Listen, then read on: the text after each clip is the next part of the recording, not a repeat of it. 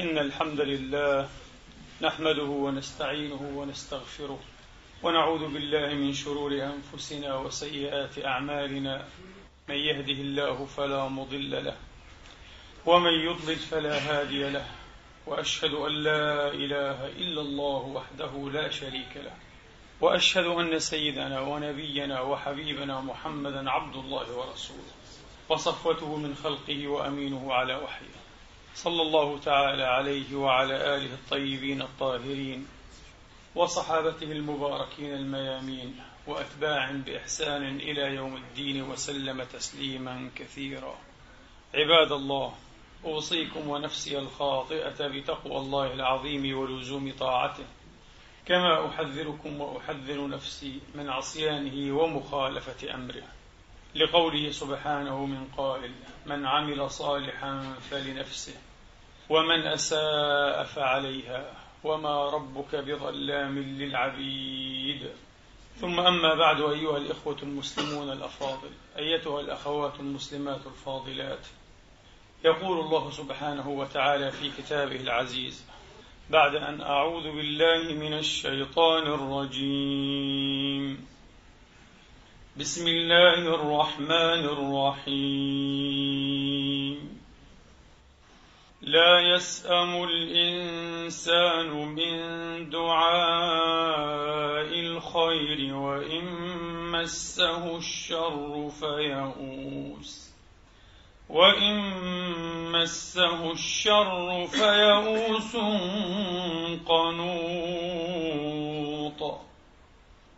ولئن أذقناه رحمة منا من بعد ضراء مسته ليقولن ليقولن هذا لي وما أظن الساعة قائمة.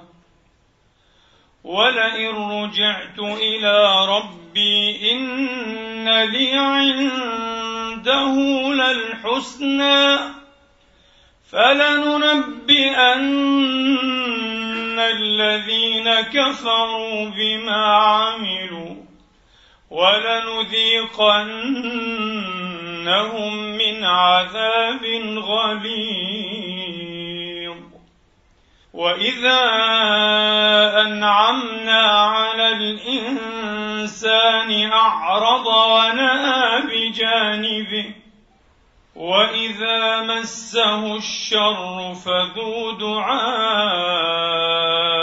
عريض قل ارايتم ان كان من عند الله ثم كفرتم به ثم كفرتم به من اضل ممن هو في شقاق بعيد.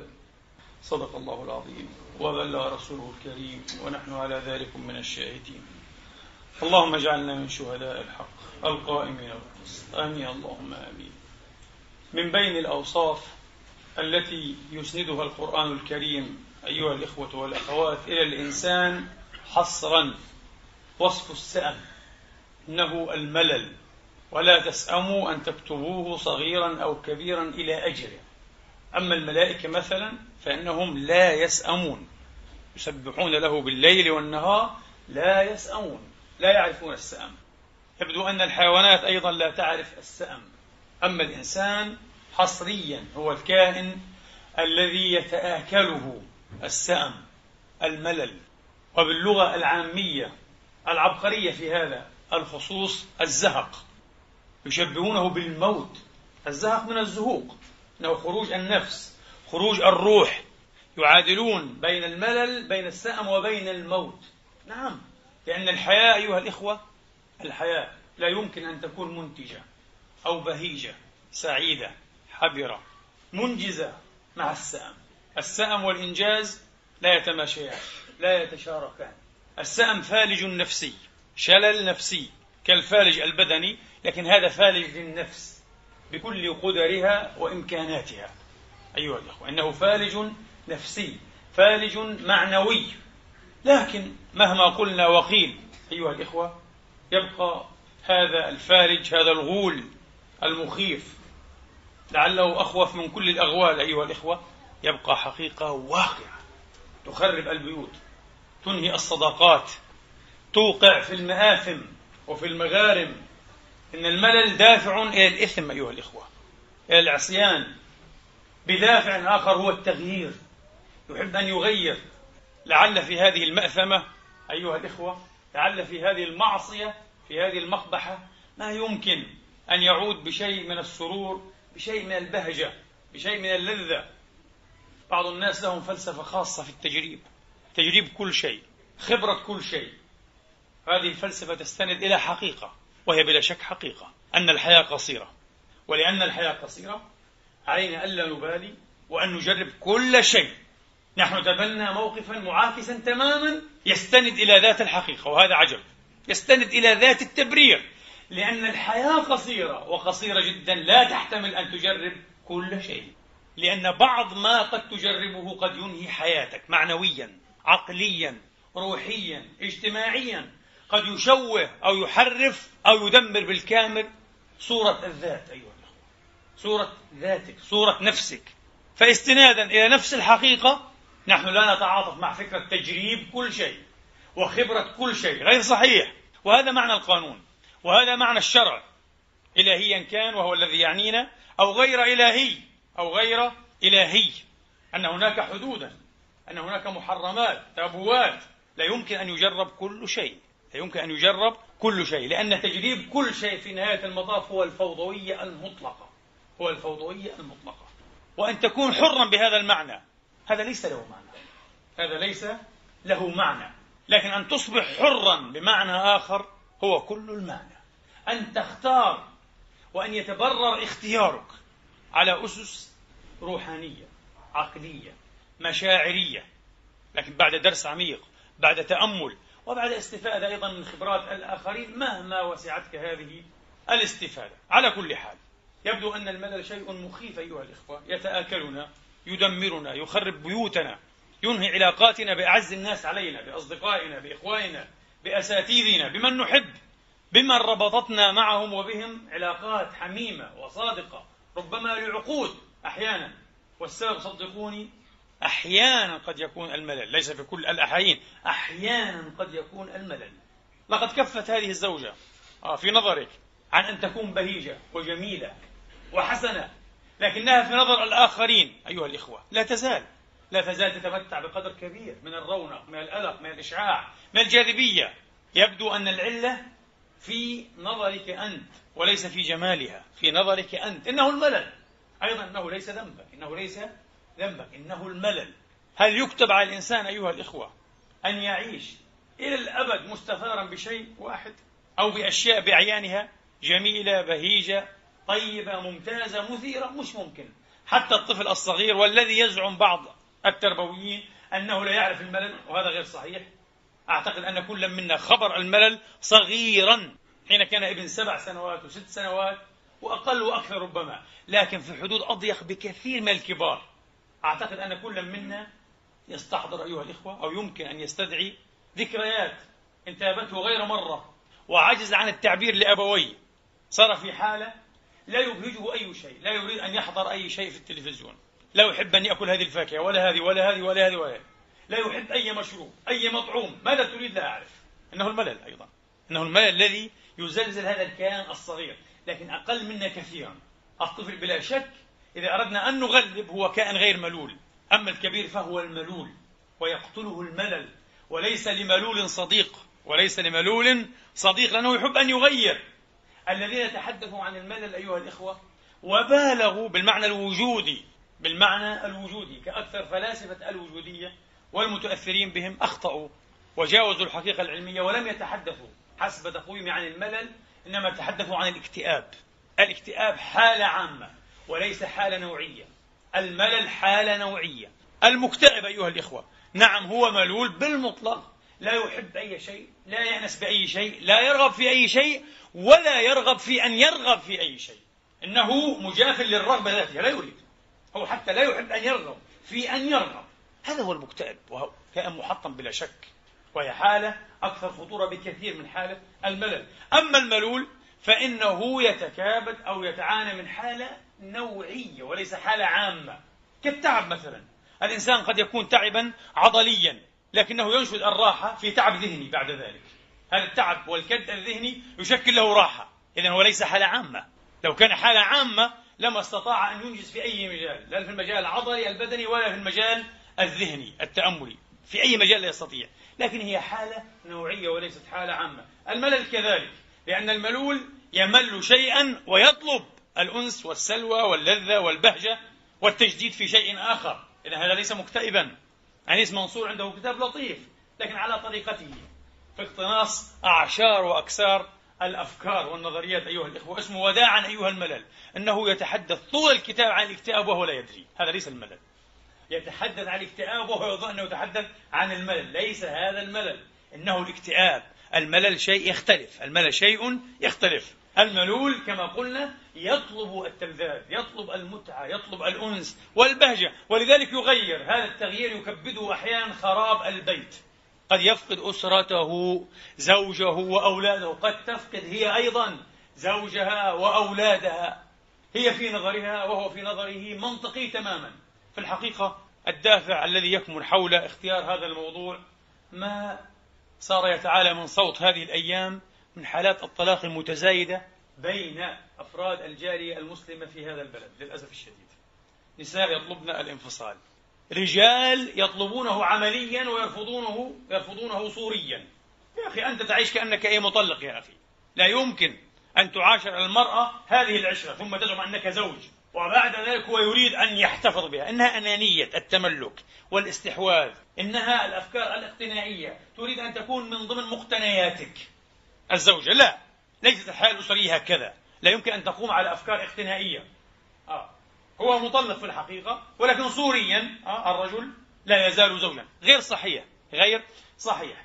طبعا من السهل جدا أيها الإخوة قد يكون لهذا دور بلا شك لكن من السهل جدا وعلى طريقتنا نحن التآمريين العرب والمسلمين أن نحمل التبعة لأطراف خارجية لأطراف مكارة باستمرار. مصيبة. هذه الطريقة في التفكير مصيبة.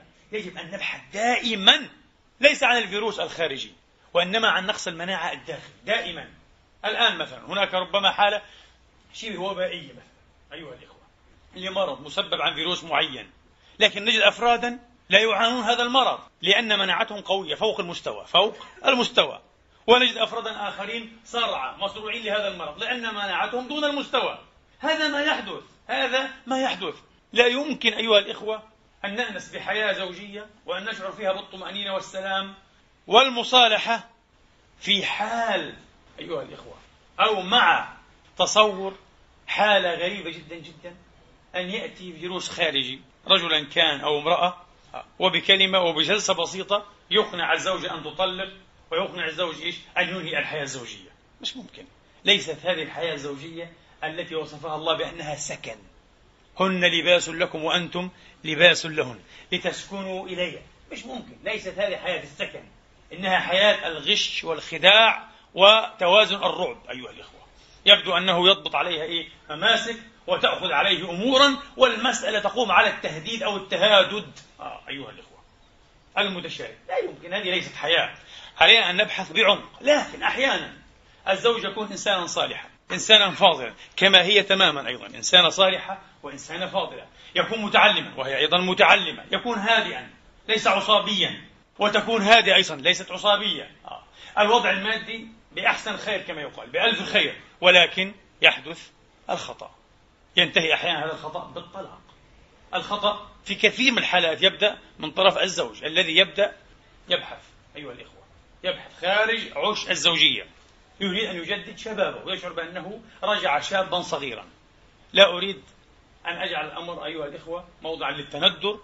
لكن ببساطة ولضيق الوقت. كل ما يحصل أن هذا الزوج أو هذه الزوجة غفل عن أنه مصاب بحالة شديدة من حالات الملل السأم الزهق. لم يعد يرى في زوجته ما يثيره. لا من ناحية روحية ولا معنوية ولا من ناحية بدنية. انتهى. كفت أيها الإخوة خبا نورها بهت لونها لوى وصوح زهر جمالها. انتهت. في نظره هي قبيحة القبيحة في لا شيء. في نظره لا تسوي شيئا. لا تساوي شيئا. كما قد يكون هو أيضا في نظرها كذلك لا يساوي شيئا. آه.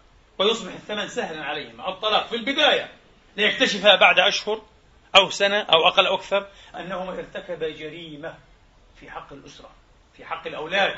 ما هذه الأنانية؟ ما يحصل أيها الإخوة أن هذين أو هذا أو تلك قد فشل في التقاط الحقيقة. فدفع الثمن ثمن الجهل ثمن عدم الوعي. أنه يعاني فقط حالة ملل.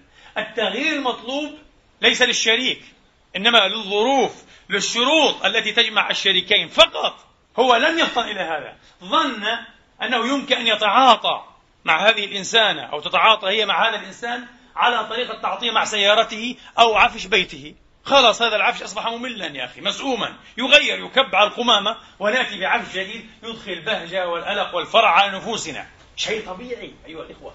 كما نمل أثاث بيوتنا نمل أنفسنا نمل أزواجنا نمل أصدقائنا أحيانا. أحيانا الإنسان يشعر بأنه مل نفسه. أصبح مسجونا في جلده.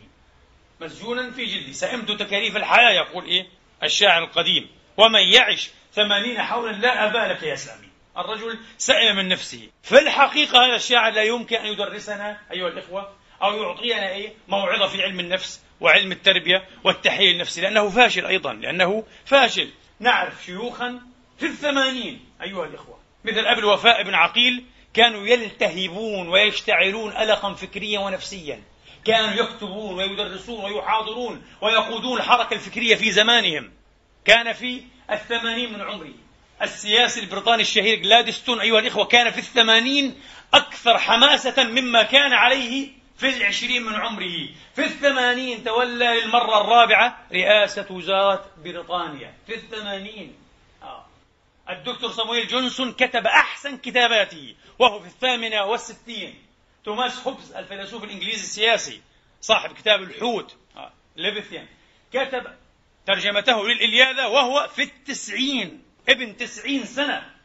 كم أشعر بالرثاء والشفقة؟ لا أحب أن أقول بالازدراء لماذا تزدري؟ لأنه يعاني شيئا لا يفهمه المسكين. من شاب في العقد الثاني ابن 17 سنة. في العقد الثالث ابن 25 26 في العقد الرابع في العقد الخامس. لا تزال شابا كهلا في الحقيقة. الكهل أقرب إلى الشباب منه الشيخوخة. يقول خلاص فات كل شيء انتهى كل شيء. لماذا يا حبيبي؟ أحد الكتاب العرب المسلمين يكتب متعجبا من الأنثروبولوجي الفرنسي الشهير كلود ليف شتراوس كيف شرع يدرس الإنجليزية وهو في الستين؟ لماذا؟ الفيزياء الكبير جيمس وات شرع يتعلم أيها الإخوة الألمانية وهو في السبعة والثمانين وتعلمها تعلمها وهو في السبعة والثمانين بعض علمائنا أيها الإخوة بدأوا يطلبون علم الحديث وصاروا أئمة في الحديث وهم في التسعين. الشيخ خالد الأزهري مشهور بالأزهرية متن شهير جدا جدا في علم النحو العربي. طلب علم النحو وهو كهل.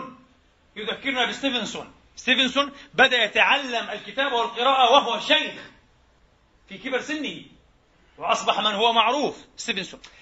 إذا المسألة أيها الإخوة صغار فعلوها كبار فعلوها إذا لا تتوقف لا على سن لا على علم لا على جهل لا على مرض لا على صحة. لا على جمال لا على قباحة أيها الإخوة إنما تتوقف على ماذا؟ على فن العيش. كيف نعيش؟ لقد وهبنا الله تبارك وتعالى هذه الحياة وترك بين أيدينا سر وأمانة أن نعرف كيف نعيشها. هذا دون أكثر من هذا. أعطانا الحياة ثم قال اذهبوا وعيشوا بطريقة صحيحة. ترضيني وترضيكم. بعض الناس خاصة المتدينين للأسف خاصة المتدينين وبالذات المتدينين العرب. أنا وجدت هذا. يعني وجدت أن من المتدينين غير العرب أيها الإخوة أقرب إلى فهم الحياة وفن الحياة والإنجاز من العرب بالذات. يبدو أننا أمة سأمانة. يقتلها السأم يقتلها الملل. النبي كان يخاف جدا من هذا الملل. كان لا يحب أن يسلم أمته أيها الإخوة. كان يخاف كثيرا. وهم أيضا كانوا أناسا يعشقون الحياة. ويعشقون الإنجاز ويعشقون التفتر على هذه الحياة. كانوا يحبون الحياة. كانوا يعرفون كيف يمزحون كيف يضحكون ملء أفواههم وقلوبهم وعيونهم. أيها الإخوة الصحابة أنفسهم كانوا كذلك. اليوم من المستحيل من المستحيل أن ترى ثلاثة شيوخ وشيوخا أيها الإخوة بالمعنى الأصولي للشيوخ أه؟ مظهرا يعني قالبا وقلبا كما يقال ويضحكون بطريقة الصحابة الناس. يستحيل. لقد كان الصحابة يضحكون أيها الإخوة ويرمي بعضهم بعضا بالبطيخ. هكذا كان الإمام ابن سيرين وإذا ذكر ابن سيرين ذكر الإلهام. الإلهام الرباني آه، العالم الذي كان يعبر الأحلام. ذكر الزهد والتقى والعبادة والخوف من الله. صحيح لكن ابن سيرين هذا كان مزاحا. كان رجلا شديد الظرف كثير الدعابة مع الناس رحمة الله عليه. وأحب بعض الناس أن يسليه يوما فقال له إن هناك من الناس من يقولون الشعر ما يوجب الوضوء. يعني من يستشهدون إيه؟ بالشعر ما يوجب الوضوء. يعني تعرفون ماذا؟ من شدة الضحك بفلتوا آه. فضحك وتعجب. ثم قام وأنشد بيتا أضحك فيه الناس وقام إلى صلاته في المسجد. هكذا كانوا. ضحك الإمام الشعبي مرة. عامر بن شراحيل الشعبي إمام الكوفة. آه. وإمام جليل جدا. وهو القائل الذي نسيته من العلم لو حفظه أحدكم لأصبح به عالما. موسوعة بحر علم. كان يمزح أيضا. كان كثير الدعابة فقال أحدهم يا أبا عمرو تمزح وتضحك. قال لم لا لو لم نفعل لمتنا. نموت بالغم قال لابد أن نضحك لابد أن نمزح أن نفرفش لابد أن نجتزئ أيها الإخوة أن نبلور أن نجد أن نفرز أوقاتا للمزاح للضحك للفكاهة للتندر. فن الحياة أن نعيش الحياة لكن لا. نحن ناس مترزنون مترصنون. ولذلك نحن ملولون. وليس عندنا إنجاز. بالذات العربي قصير النفس. أقول لكم الفارسي ليس كذلك الهندي ليس كذلك الباكستاني ليس الأندونيسي ليس كذلك. العربي بالذات إنسان قصير النفس. لذلك هو عاجز ويتعانى يتعانى عجزا في أشياء كثيرة جدا جدا. المسلم غير العربي يتعجب من عربي لا يحفظ القرآن الكريم. عجيب لغته وتفهمها وتفقهها وتعرفها ولا تحفظ. لماذا؟ يقول آه أنا أحاول. هو يحفظ سورة البقرة من أربعين سنة. صدقوني. فينا كثير جدا جدا. يحاول أن يحفظ البقرة منذ أربعين سنة. وفي السنة الأولى من الأربعين سنة حفظ سبعين آية في جلسة. وإلى الآن لا يزال يرددها في جلسة. طيب والسبعين الثانية؟ نفس قصير انتهى كل شيء. لأنه سأمان. هذا السأم على فكرة. السأم هو عدم توفر الدافع لمواصلة عمل ما. تبدأ فيه ثم تمل لا تستطيع أن تواصل لأنك سأمان لأنك ملول. شوف عمرو بن العاص. عمرو بن العاص لا نحب أن نقومه إيه؟ من جهة إيه؟ حكمية آه وقيمية. لا لكن من جهة فن الحياة. بلا شك أنه كان رجلا يعرف كيف يعيش. طبعا بمنطق صحيح منطق خاطئ لكن كان ابن الحياة أيها الإخوة. واقتنص فرصته بالحلال بالحرام بالصدق بالكذب. المهم كان يعيش. كانت هذه طبيعته. يريد أن يثبت شخصيته. عنده شعور بنقص من جهات معينة معروفة في تاريخه. المهم مرة من المرات وكان أميرا على مصر وهو فاتح مصر يا أخوان. هو الذي فتح مصر وعرف وضع لها خطة عبقرية بلا شك حين تقرأ سيرته كفاتح رجل لا يستهان به لا يستهان به. عمر نفسه أشفق من فتح مصر. هل يمكن ولماذا؟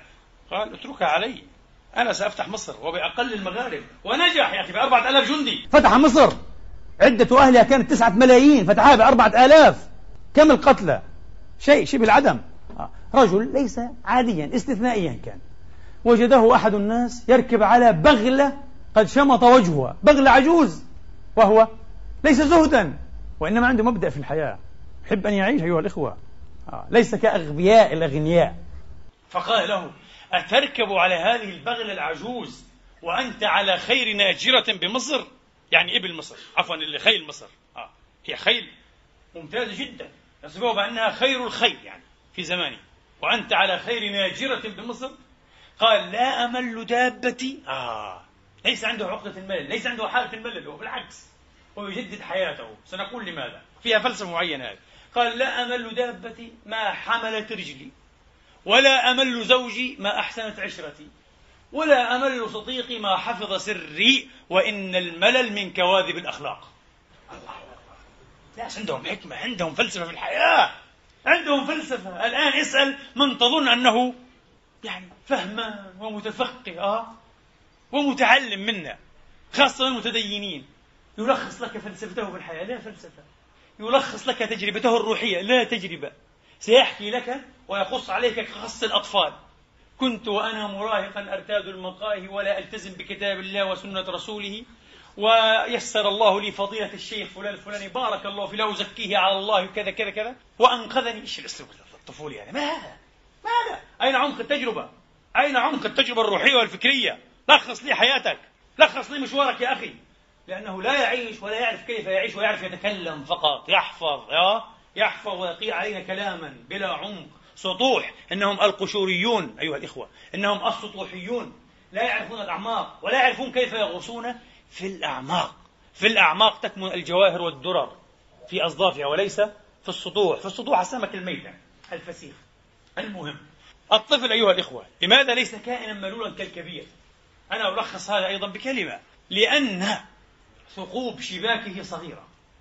الطفل شبكة حياته شبكة وجدانه شعوره تفكيره ها شبكة منظوره للحياة ثقوبها صغيرة تصطاد أشياء كثيرة وكل شيء يصطاده هو صيد. يمكن أن نجعل منه متعة حياة. صحيح؟ ألا تلاحظ في ابنك الصغير أنه يمكن أن يخلق حوله أو يوجد حوله أو يحول حوله. أي شيء مهما كان في نظرك تافها وحقيرا إلى مصدر الإبهاج والإسعاف يظل يحاوره ويتأمله ويخلع عليه من الصفات من الوجدانيات أيها الإخوة يؤنسنه بطريقته الخاصة. ساعة ساعتين وثلاث ساعات ويستغرق فيه بالكامل. أنت مع الفيلم الأكشن طبعا مستغرق بالكامل أه؟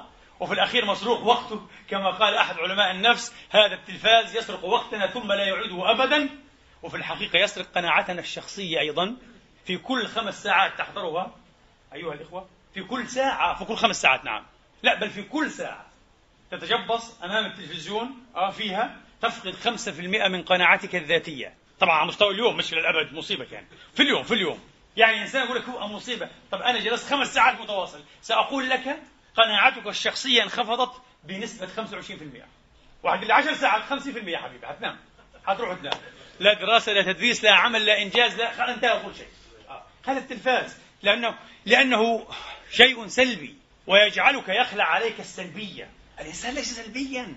الإنسان كائن أيها الإخوة. ينبغي ينبغي أن يخرج من حالة هلامية إلى حالة تكاملية إنسانية بمحاربة القصور الذاتي. كل من لا يعرف كيف يحارب القصور الذاتي يبقى في حالة هلامية.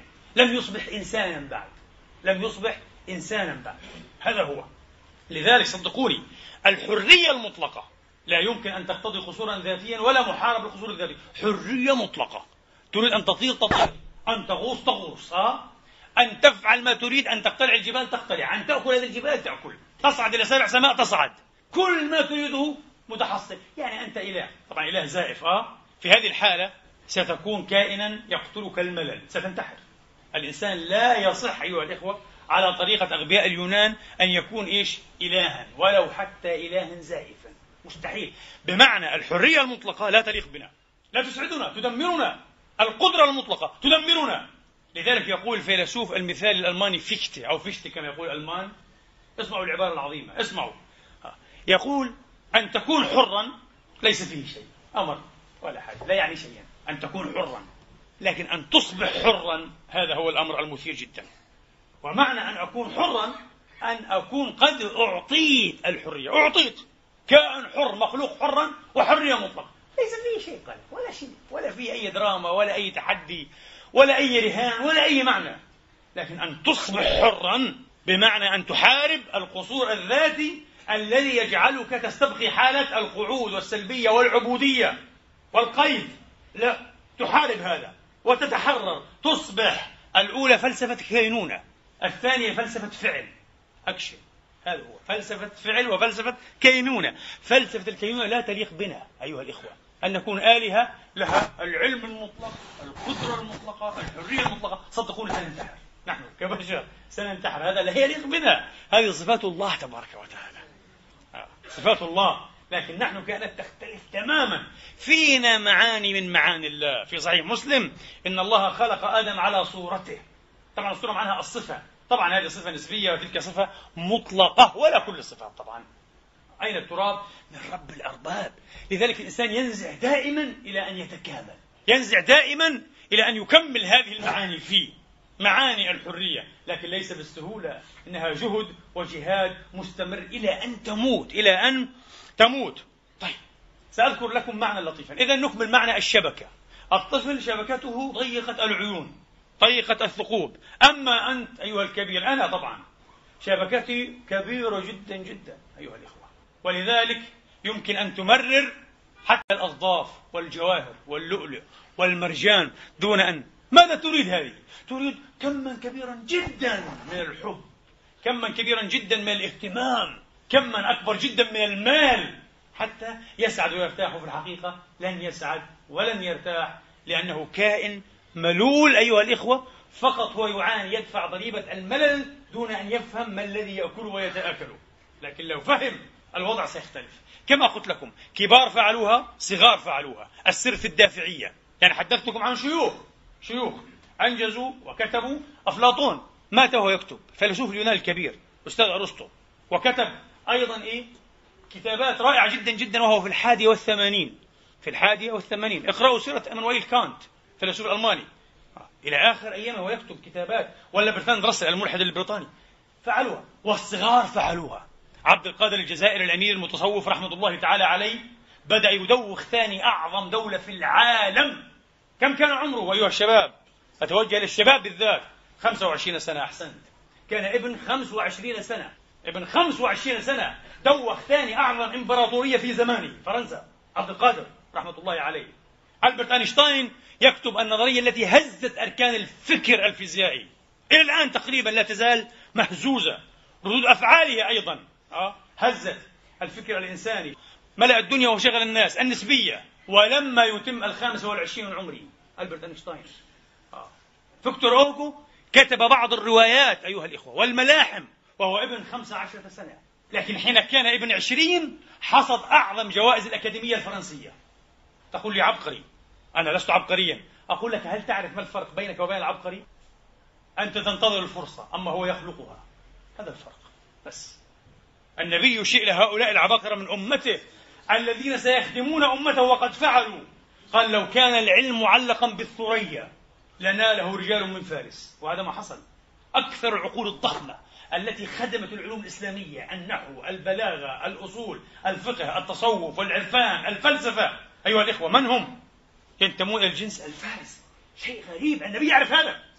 قال لهم همة لا كهمة هؤلاء العربان. قال ها وراء نعجة يحلبها وعيش عيشة البدوي البدائي البرمتيف. دائما هكذا. البدائيون أيها الإخوة هكذا. الإنسان البدائي في كل مكان إلى الآن وقبل عشرة آلاف سنة.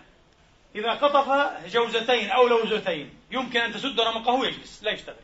هذا البدائي. لكن الإنسان الحضاري دائما يطلب ماذا؟ ما هو فوق وبعد وأكثر من قدر الكفاية. يعني بصيغة إيه؟ بصيغة علمية يحاول أن يحصل شرط التراكم المادي.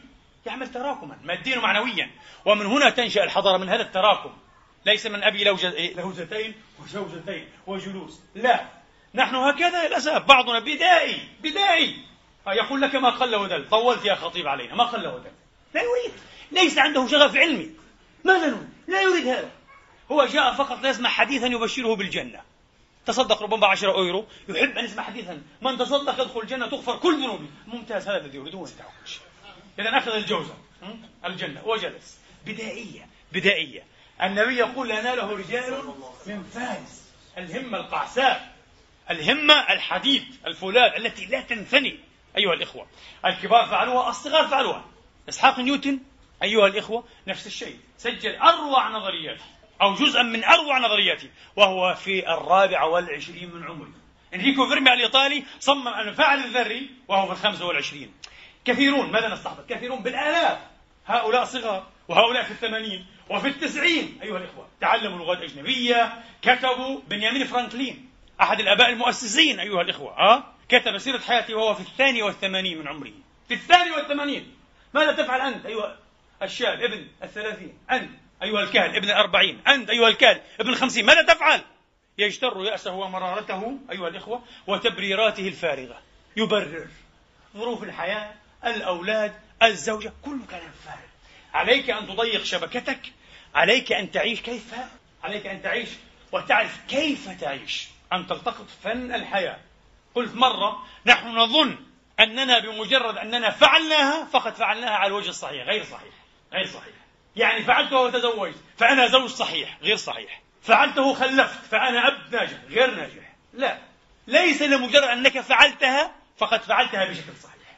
ليس لمجرد أنك عشت الحياة وتعيش أنك عشت بشكل صحيح. يا يا للخسارة أن تمضي هذه الحياة لكن بعض الناس يقول لا أنا لا أريد هذه الفلسفة يا رجل. لا أريد لأنني متدين.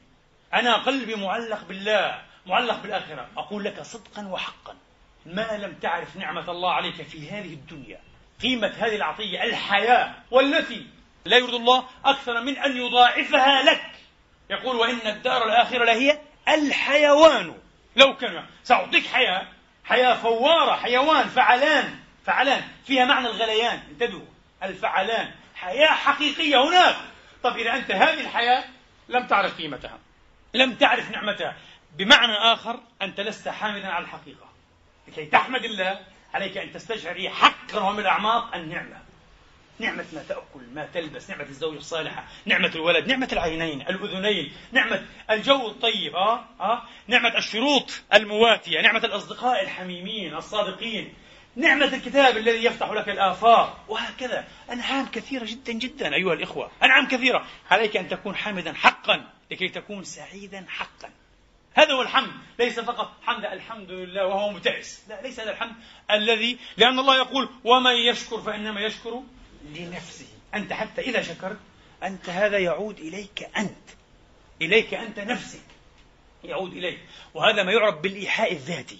أنت حين تقول لنفسك أو تسجشن حين تقول لنفسك الحمد لله. أنا بحالة طيبة. أنا أحسن بكثير من أكثر الناس بفضل الله. ليس من باب الغرور العجب.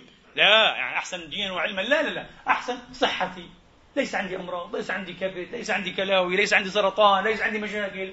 زوجتي لم تطلقني لم تطلب الطلاق لم تذهب إلى الأمت الفلانية.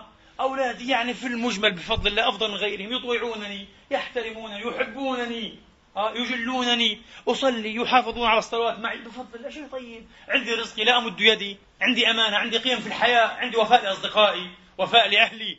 عندي صدق عندي مواطأة. مواطأة الظهر الباطن لست منافقا لست مفصوما ها؟ أنا إنسان دغري مستقيم الحمد لله. جميل جدا أن تقول هذا لنفسك. وطبعا سيلهج قلبك ولسانك بماذا؟ بالحمد لله. الحمد لله.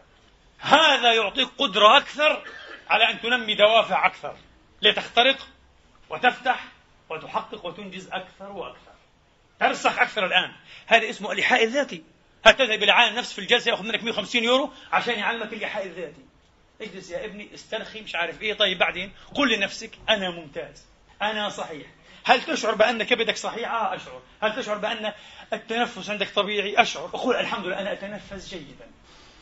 آه كيف ادمن أتنفس بعمق ممتاز. أنا مش عارف إيه. روح هات 150 يورو. إيش هذا يا أقول لك هذا ممتاز هذا ايحاء ذاتي. يا حبيبي لا أحتاجه لا أحتاجه. أنا ابن دين يعلمني قبل أن امد يدي إلى الطعام أقول بسم الله. بسم الله. اللهم بارك لنا فيما رزقتنا. رزق. اطلب البركة. لا يمكن أن يقول عدس. اللهم بارك لنا فيما رزقتنا. عدس. كل يوم. لا يمكن. هذا كالذهب. الصادق أيها الإخوة يمد يده. بسم الله. اللهم بارك لنا فيما الحمد لله. بعض الناس لا يجد الخبز الحاف. ها؟ الخبز الحافي لا يجدوه أيها الإخوة. من كل قلبك. الحمد لله. بروتين نباتي ممتاز. ها. وبارك لنا إيه؟ فيه. وزدنا خيرا منه. في امل في طموح. زدنا خيرا منه. الحمد لله. بعد أن تأكل آه اللهم ادمها نعم العوام يقولون. دعاء ما أجمله والله. مش شرط أن يكون ماثورا. ما أجمله. اللهم ادمها نعم يقولون. واحفظها من الزوال. ما أجمله. ما أدخله في الحمد والشكر لله عز وجل. أنت الحمد لله رب العالمين. الحمد لله الذي أطعمنا وسقانا وجعلنا مسلمين. بارك الله. كل هذا مهم. بعض الناس يقول يعني مهم جدا. حين تلبس اللباس حين تخلع اللباس حين تنام حين تقوم من النوم. نمت وقمت. أعطاك الله حاجة جديدة صحيح؟ هذه من الله هدية لك.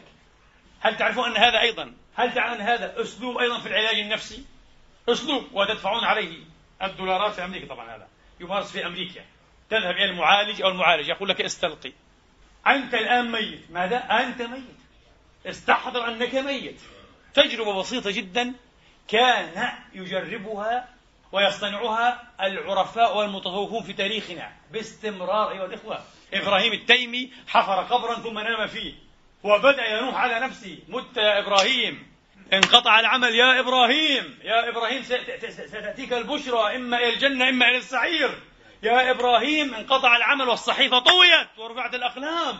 يا الله والرجل تلبس الدور كما يقولون في لغة الفن ها؟ تلبس الدور وأخذته حالة كبيرة جدا من الفزع من الحسرة من الندامة. رب ارجعون. لعلي أعمل صالحا فيما تركت. ارجعون بدي ارجع قال فخيلي قد أمهلناك ورجعناك يا إبراهيم فاستأنف. فقام بنفسية جديدة. تقول لي هذا في أمريكا الآن تدفع عليه 200 دولار جلسة. بحاول يفهمك يا صغير يا اللي مش فاهم يا اللي مش ناضج يا فطير روحيا ومعنويا كيف تتخيل أنك مت فقدت كل شيء؟ زوجتك هذه التي تكرهها الآن ستذكر أنها أحسن شيء. سامحيني أخ لو أقول لها كلمة. أن يأتيك عزرائيل ها؟ تقول أه لو يعطيني فقط فرصة أن أعود أقول لها لقد كنت جيدة في المجموع العام أنت جيدة لست راسي في الامتحان ممتازة. جزاك الله عني خيرا من زوجة صالحة. ظلمتك. شققت عليك. أنكرت فضلك. ها؟ عنفت بك. فسامحيني بالله. سامحيني. آه يخاف من حساب الله آه يشعر. هل تعلمون أن 80% من الناس في علم النفس 80% 80% من الناس إذا طلب إليهم أن يستذكروا الذكريات الماضية فإنهم يستذكرون الإيجابي منها؟ نعم.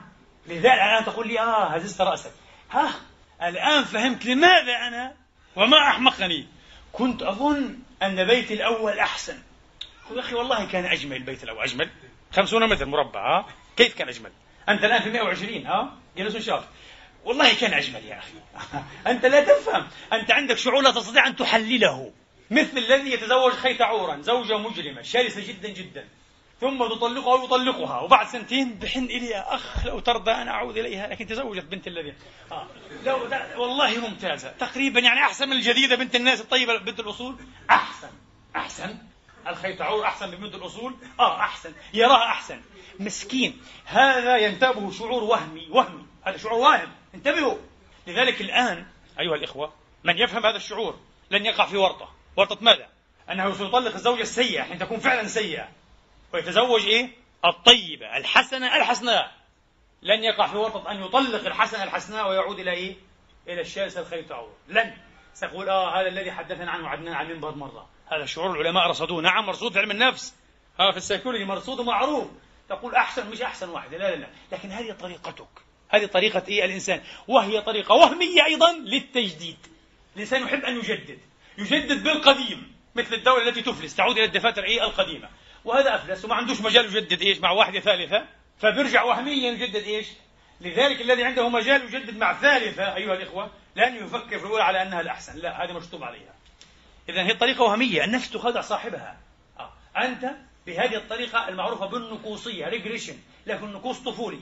تنقص إلى ما مضى وتتشبث به تعود تتشبث به تريد تقول أحسن شيء. حتى أثاث البيت حتى الخبز الذي كنا نأكله مع السكر الممزوج بالماء المحلول بالماء. والله أطيب من لحم اليوم يا أخي لا مش أطيب. آه. لكن هذا ما قد سمعت هذا ما قد. فاحمد ربك. أحد المعمرين هنا في أوروبا عاش 107 سنوات. لا أعرف عن كم مات ولا هو عايش لليوم. الله يعطيه طول العمر. المهم وهو عفوا عفوا 109 سنوات. في سن 109 سنوات دهمته الصحافة لأنه معمر كان. وجدته يحتفل بعيد ميلاده التاسع بعد المئة. صعب حتى العد. ها؟ التاسع بعد المئة. ممتاز. حاط طورته هيك و109 شمعات ولا بحط عن كل عشرة نقول عشرة واحدة لو كثير. غالي. المهم حط شمعات ومبسوط. فقال له الصحفيون ماذا تفعل؟ قال أحتفل بعيد ميلادي التاسع بعد المئة. قال هل تذكر أشياء؟ قال أذكر كل شيء في حياتي. كيف كانت حياته؟ قال كلها كانت ممتازة. حياتي كلها كانت سعيدة. ما هو أسعد يوم في حياتك؟ قال اليوم. قلت من هنا عاش 109 سنوات. هذا عبقري يعرف كيف يعيش. فن العيش. فن العيش أيها الإخوة. لعل بعضكم يعلم سر المعية ولوذعية الكاتب الروسي العظيم بلا شك هو كاتب كبير طوان تشيكوف الذي يقال عن أدبه إنه أدب البطولة بلا أبطال. بطولة بلا أبطال. لماذا؟ لأن أبطاله هو أنا وأنت وهو وهي. الناس العاديون فقراء القلب واللسان واليد من أمثالنا. يأخذ لك أي شيء مبتذل من والي وتائر عادي من حياة الناس ويحلله أيها الإخوة يحلله يلقي عليه أشعة من أضواء فكره الخصيب الثري العميق النفاذ الشفاف الذواق فيحيل شيء جميل واستثنائي فعلا. وهذا الإنسان اللي شايفه أنت بياع الترمس أو الذي يكسح الزبالة أو المدرس العادي البسيط أه إلى آخره أو الممرض المتواضع أو الطبيب الغلبان الهلكان أه إلى آخره. هذا الإنسان البسيط طلع فيلسوف وعنده فلسفة حياة وعنده دراما وعنده تحديات وعنده أشياء جميلة في حياته. ممكن هو مش عارف يعبر عنها كما عبر عنها من شوكوف الذي صنع منه بطلا تصور؟ وفي الحقيقة ليس البطل لا هو بطل عظيم لكن هو إيش؟ له دور بطولة له دور بطولة. بهذه الطريقة يمكن لكل واحد منكم أيها الإخوة أن يحيل المنوالي والوتائري والعادي والمبتذل في حياته إلى شيء استثنائي وشيء جميل. صدقوني كل واحد فينا أحيانا أفعله وأنجح كلما فعلته أنجح.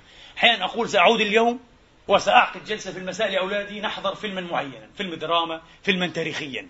أشتري أشياء ب 30 40 يورو آه مشروبات ومأكولات وبوب كورن وكذا كذا كذا. نطفي الأضواء آه نضع ال Beamer نجلس جلسة لن ينساها أولادي ولن أنساها أنا. أنا تمتعت بمقدار ما تمتعوا. خلقت فرصة للسعادة. لماذا؟ أخلق فرصة للسعادة. لك لأولادك لزوجك. غير غير غير حتى ديكور البيت. لا تغير. الأشخاص انتبهوا. يمكن أن تغير السيارة يمكن أن تغير عفش البيت يمكن أن تغير البيت كله من أصله كما يقال لكن لا تغير زوجك. طبعا لا تستطيع أن تغير أبنائك في دفع غرز قوي جدا جدا جدا ها؟ لكن في الحقيقة أنت تغير أبوتك أحيانا حين تستحيل جبارا أو لا مباليا أو غير مسؤول إزاءهم وتدمر حياتهم بهذه الطريقة. فأنت كففت أن تكون أبا صالحا. على الأقل بمعنى أنك كففت عن أن تكون أبا. انتبه انتبه. اخلق فرصة. كن مثل تشيكوف. اصنع من المبتلى المنوالي شيئا استثنائيا بطوليا. تستطيع. وستنجح. وستكون حياتك جميلة بمقدار جمال أقاصيصه ورواياته. يمكن. لكن هذا يحتاج إلى فن. هذا يحتاج إلى فن. لا تبلغ أقصى درجات الاستثارة بالتكرار. انتبه. هل يحب أحدكم أن يستمع إلى أي شيخ يحب أن يسمع القرآن منه؟ أن يستمع إليه دائما وأبدا؟ وباستمرار؟ سيمل مستحيل. هل يحب أن يستمع إلى هذا الشيخ بنفس الوتيرة والإيقاع مثلا؟ النغمي يستحيل. هناك مشايخ أنا لا أطيق أن أسمعهم خمس دقائق لأنهم يقرؤون منواليا ساعة ويقرأ هكذا. مستحيل. لكن انظروا التنويع الإيقاعي المصري. المقرؤون المصريون فنانون حقيقة, حقيقة فنانون قبل أن يكونوا مقرئين. في تنويع ويعرف متى ينوع كذا. ويقال أنهم يدرسون علم الموسيقى قبل أن يدرسوا قراءات. أو في نفس الوقت. لذلك تستمع وأنت تلتذ ولكن أيضا ليس إلى آخر درجات الاستثارة حتى لا تمل. أخذ النبي بيد أبي هريرة مرة. قال له يا أبا هريرة زر غبا تزدد حبا. أبو هريرة كل يوم صباح مساء السلام عليكم يا رسول الله. السلام عليكم يا رسول الله. سلام زر غبا تزدد حبا. حتى لا تمل ولا نمل لك مش. صباح مساء مساء صباح صباح مساء لا يا أبو هريرة. مرة ومرة لا. أخذها الشاعر فقال زر غبا تزدد حبا. فمن أكثر الترداد أضماه الملل. صح. فمن أكثر الترداد أضماه حتى في الزيارات حتى في التليفون ما تهلكنيش بالتليفون كل ساعتين. السلام عليكم السلام عليكم. يا أخي الله يخليك. خلي صوتك محبوب بس بتشائم بعدين. بتشائم من صوتك لما تسمع التليفون؟ بصير عنده عقدة تليفونية؟ أنا عندي عقدة تليفونية فكره بصير عنده عقدة تليفونية. يا أخي لا بصير يسكر التليفون على وتلوس آه. لا. فقد مش دائما مرة ومرة. وأصل الغب أن تورد الإبل يوما وتترك يوما آخر. مش كل يوم على الميه يوم آه يوم لا يوم هذا شو فلسفة من رسول الله. فن كبير جدا جدا. فن كبير. آه. فن كبير أيها الإخوة. طيب. أحد علماء النفس الكبار اللي بياخذوا فلوس هذول طبعا. يحللوا بيدرسوا بعضه بنيمك على المشعر تبعته. آه. قال لكي تكون سعيدا عليك أن تفكر في قيمة ما تملك. لا في قيمة ما لا تملك. ما لا تملك لا تفكر فيه. فكر في اللي بتملكه. إيش قيمته هذا؟ تسعد. لماذا؟ قال أجرينا دراسة على مئات الأشخاص أو الشخوص فوجدنا أنهم ينقسمون إلى سعداء وتعساء وإلى بين بين. يعني ناس سعداء لكن أقل سعادة من الأولين. سعداء وأقل سعادة وتعساء. قال العجيب أن هؤلاء السعداء ليسوا بالضرورة هم الأغنى. أكثرهم ليسوا الأغنى أكثرهم أفقر من ناحية مادية ما عندهم كل شيء. آه. التعساء أكثرهم أغنى. غريب. طب ما السر؟ المفروض هذا الغني يستطيع أن يشتري كل شيء لنفسه لأولاده يكون أسعد. لا. وقال وجدنا الفرق ليس في الغنى وليس في الفقر وإنما في مستوى التوقع. مستوى التوقع عند الإنسان السعيد هذا بغض النظر فقيرا كان وهو في الأغلب فقير لأن الفقر علمه التواضع. الغنى أسكرته نشوة الغنى نسي حاله. تأله دون أن يدري المسكين. رفع سقف التوقعات بشكل يعني إيه يجاوز إيش؟ المستطاع. فأحبط طبعا. مش عاجبه أي شيء مش عاجبه كل شيء بطران. قال بطلت إيه معيشتها؟ الله قال. عن القرى الآمنة المطمئنة اللي بطلت وكفرت بنعمة الله. لأنها مش عاجبها بدها شيء أعلى بكثير. آه. هذا الإنسان. قال لك إيه ولا يملأ جوف ابن آدم إلا التراب ويتوب الله على من تاب. انتهى. ليش إيش نعمل لك طيب؟ آه. فالمهم سقف التوقعات عند هؤلاء السعداء دائما أقل. هو بيتوقع كذا كذا. إذا حصل نعمتين وبركة والحمد لله. فبحصل فبكون سعيدا جدا جدا. فكن متواضعا في حياتك. كن متواضعا في كل شيء حتى في أهدافك كن متواضعا. يا ليت أمتنا الإسلامية حتى في السياسة أن تتعلم التواضع في الأهداف. ما تحاولش إيه؟ تصطنع لغة كل شيء وإلا لا شيء. لا يا حبيبي لا شيء معناها. ضاعت عليكم ضاعت فلسطين ضاع كل شيء. بالعكس خليك متواضعا في أهدافك. حط أهداف ممكن إيه تنجز. ممكن مكتسبات تحقق وبعدين تتقوى بتحصل إيش؟ أهدافا أعلى وهكذا. هيك عدوك علمك إذا تعلمت منه. بس ما عندنا. ما عندناش فن في لا في السياسة لا في الحياة لا في الزواج ولا في شيء. مساكين إحنا مساكين نحتاج أن نتعلم جيدا. نحتاج أن نتعلم.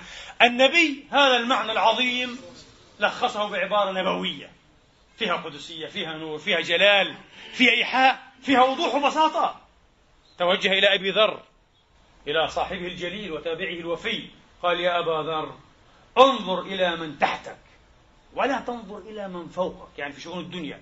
فإنه أحرى أو قال أجدر ألا تزدري نعمة الله عليك. إذا ازدريت نعمة الله لن تكون سعيدا بها صح؟ لن تكون سعيدا بنعمة العلم والصحة والمال والولد والشهادة والرتبة والاستقامة لن تكون. لأنك تطلب ما هو أكثر دائما. تنظر إلى من هو أعلى منك. لا يا أخي. هذا الذي هو أعلى سيذهب أنا سأذهب لأقتنص حياتي بعيدا عن أن تنتهبني الحسرات.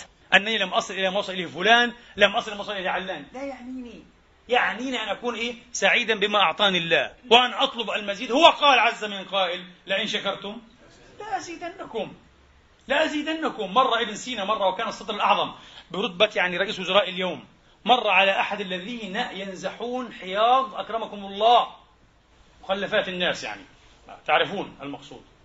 في جورة لابس لباس معين زي الأبرهول هذا. وقاعد ينضح وبقول شعر بالفارسي. قال يا سلام على هذه الدنيا. تمر رخية عليك أيها القلب.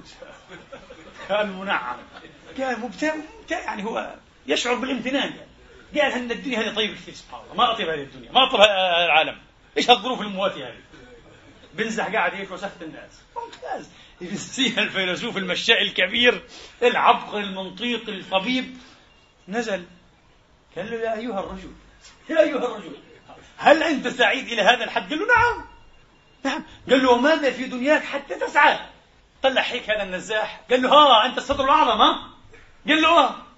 قال له أنت من يخدم إيه الخليفة. أنت تعمل لحساب غيرك أما أنا فأعمل لحساب نفسي. أنا مالك نفسي يا حبيبي. يريد أن يقول له أنت عبد الخليفة. أما أنا فسيد نفسي. لست عبدا لأحد. من هنا سعادتي. من هنا. هذا عرف على طريقة فشته أن يصبح حرا. تحرر. تحرر. أنت عبد لما أنت فيه طامع. كل شيء تطمع فيه. ها؟ أنت الآن تحتاج إلى شيء مني. تحتاجه مسيسا. بدرجة حقة. ستكون عبدا لي للأسف. ولو للحظات وتأتيني بطريقة عبد. ها؟ غلط. كن عبدا لله. في الأخير للأسف لم نقل أكثر ما أردنا أن نقوله. والموضوع طويل وتشعب. أحب فقط أن أختم بفكرة معينة. وفي الخطبة الثانية فكرة سريعة وننتهي. فكرة ماذا أيها الإخوة ألا يمكن أن يكون هذا السأم والملل؟ أي شيء يمكن أن يسئمنا آه. حتى العبادة. النبي كما روى الطبراني قال لا تملوا إلى أنفسكم عبادة الله. وفي البخاري ومسلم وأحمد وعند بعض أهل السنن. والحديث متفق على صحته بلا شك. عن أبي وائل شقيق بن سلم البلخي التابعي الجليل تلميذ عبد الله بن مسعود. قال كان ابن مسعود يعظ الناس كل خميس. كل خميس مرة. مثل مشايخ الفضائيات هلكونا 24 ساعة يا أخي مواعظ. انتهينا مش حنقدر بطلنا نفتح على خلاص ملينا.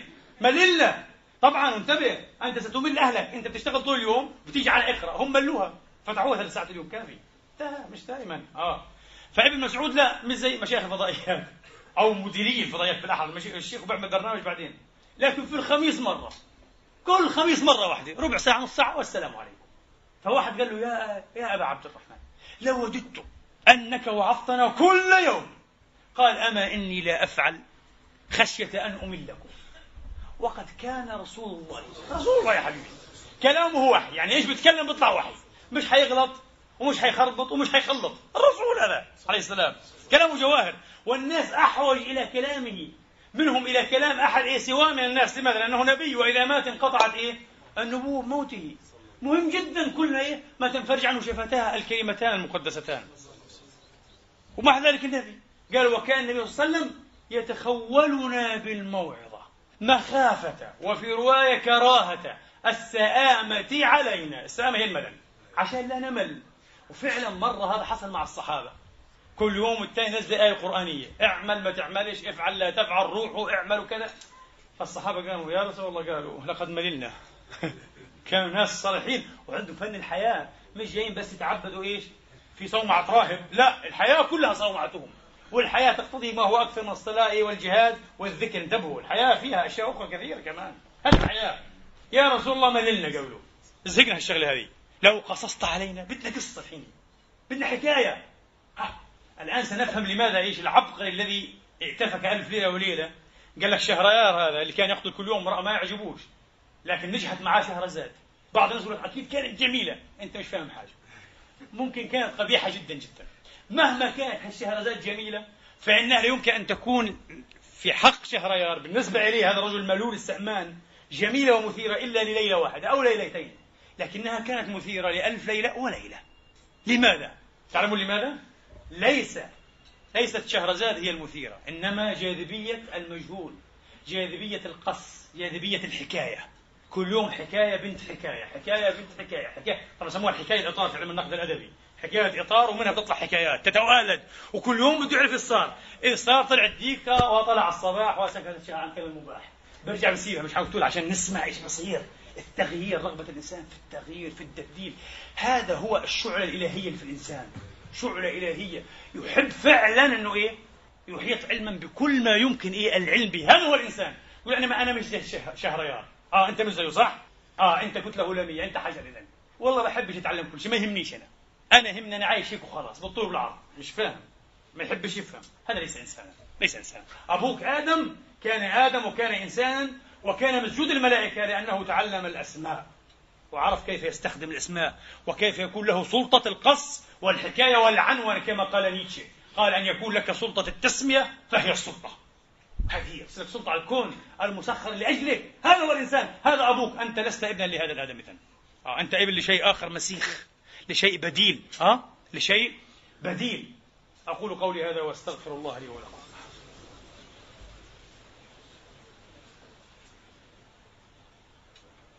الحمد لله الحمد لله الذي يقبل التوبة عن عباده ويعفو عن السيئات ويعلم ما تفعلون. ويستجيب الذين آمنوا وعملوا الصالحات ويزيدهم من فضله والكافرون لهم عذاب شديد. وأشهد أن لا إله إلا الله وحده لا شريك له.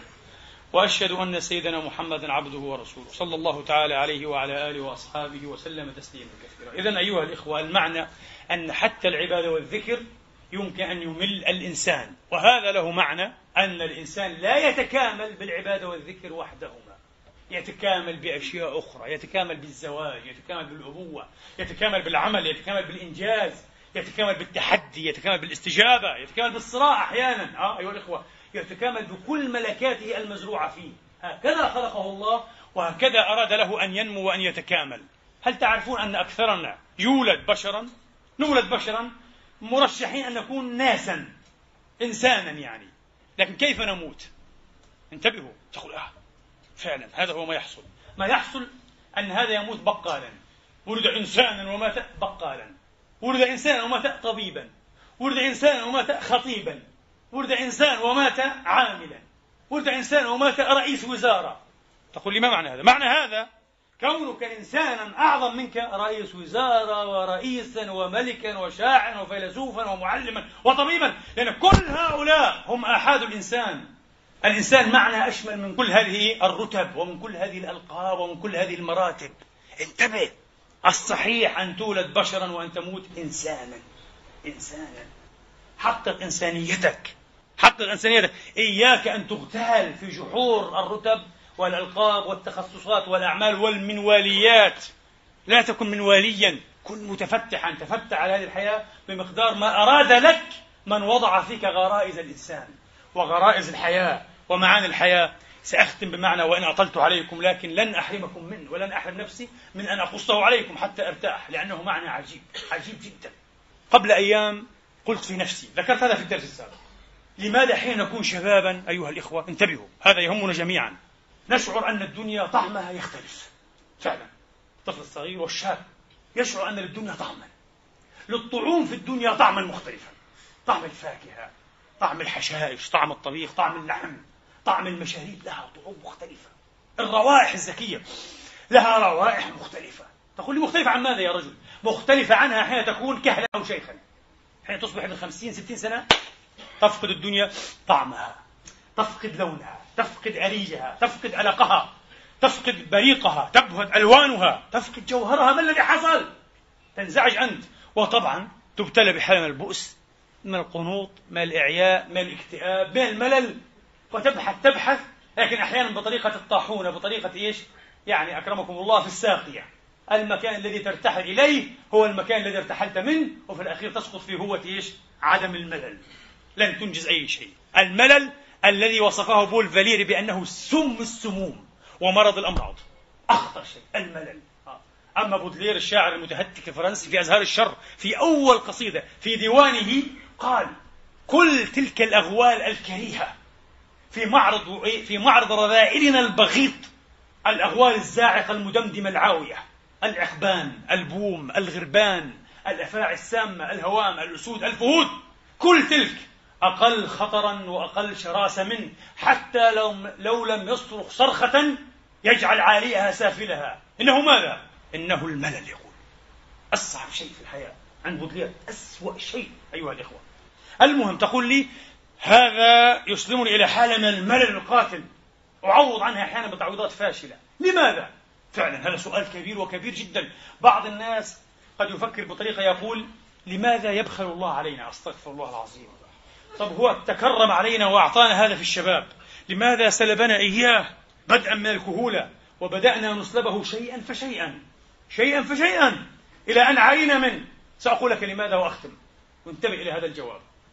الله عز وجل حين كنت طفلا وبالذات وأنت طفل الطفل صدقوني يأكل الموز غير موزنا موجة الطفل غير موجتي 100% نعرف هذا. وأنتم تعرفونها صحيح؟ كوباية شاي مع إيه؟ مع المرمية أو مع إيه؟ النعناع. ها؟ كوب شاي الطفل غير كوبك وغير كوبي. صح؟ البطيخة. في شيء في حياتي إلى الآن أعتقد أنني سأموت ولن أعبر عنه. لا بلغة علم النفس ولا الفلسفة ولا بأي شيء. البطيخ كيف كنت أنظر إلى إيه؟ قمعة البطيخ هذه وأنا صغير. شيء والله العظيم لا أستطيع أن أعبر عنه. عالم الطفل يختلف أيها الأخوة. بالكامل. لأنه طفل. ستفهمون لماذا. عالم المراهق أكثر معقولية من عالم الطفل. هذا المبهم الملغز الجميل. الجميل هو الجمال نفسه. هو جوهر وإسنس وروح الجمال والمتعة واللذة والبهجة. تعرفون لماذا؟ لأن هذا العالم وخاصة عالم المراهق والشاب وما بعده هو عالم الكيمياء. أكثر هذا كيمياء هرمونات في الدماغ في الدم. تجعل المرأة شيئا آخر. تجعل الرائحة شيئا آخر. تجعل الطعم شيئا آخر. إنها الكيمياء. لكن الله عز وجل برسالته القدرية وهو الذي استخلفك وأعلاك يقول لك يا عبدي يا خليفتي لن أرضى لك أن تكون ابن الكيمياء وصنعة الكيمياء إلى أن تموت. انتهى. أنت خليفتي عليك الآن وقد خبرت وعشت معنى اللذة ومعنى البهجة ومعنى المعنى. عليك الآن أن تقتنص هذا المعنى بجوهره أن تقتنص روح هذا المعنى لا بالكيمياء لا بالغرائز لا بالدوافع البدائية التي يشركك فيها الحيوان. انتبه. وإنما بقوة التأمل والفكر والروح. عليك الآن أن تبدأ تحب زوجتك غير الحب الجنسي غير الحب البدني غير حب الغريزة غير حب الكيمياء. حب الإنسان الحقيقي الآن. حب حقيقي متجوهر. عليك أن تفك الطلس. هذه هذه هي المغامرة التي ستبقى معك إلى أن تموت. فإما أن تصل وإما أن تقع. إما أن تنجح وإما أن تفشل. فتعلم أن تعيش تعلم أن تتجوهر تعلم أن تترك السطوح إلى الأعماق لتكون إنسانا. يا من كنت ابن الكيمياء أسأل الله تبارك وتعالى أن يفتح علي وعليكم فتوح العارفين به. اللهم علمنا ما ينفعنا وانفعنا بما علمتنا وزدنا علما. إلهنا ومولانا رب العالمين عباد الله إن الله يأمر بالعدل والإحسان وإيتاء ذي القربى وينهى عن الفحشاء والمنكر يعظكم لعلكم تذكرون فستذكرون ما أقول لكم وأفوض أمري الله. إن الله بصير بالعباد. قوموا إلى صلاتكم يرحمني ويرحمكم الله.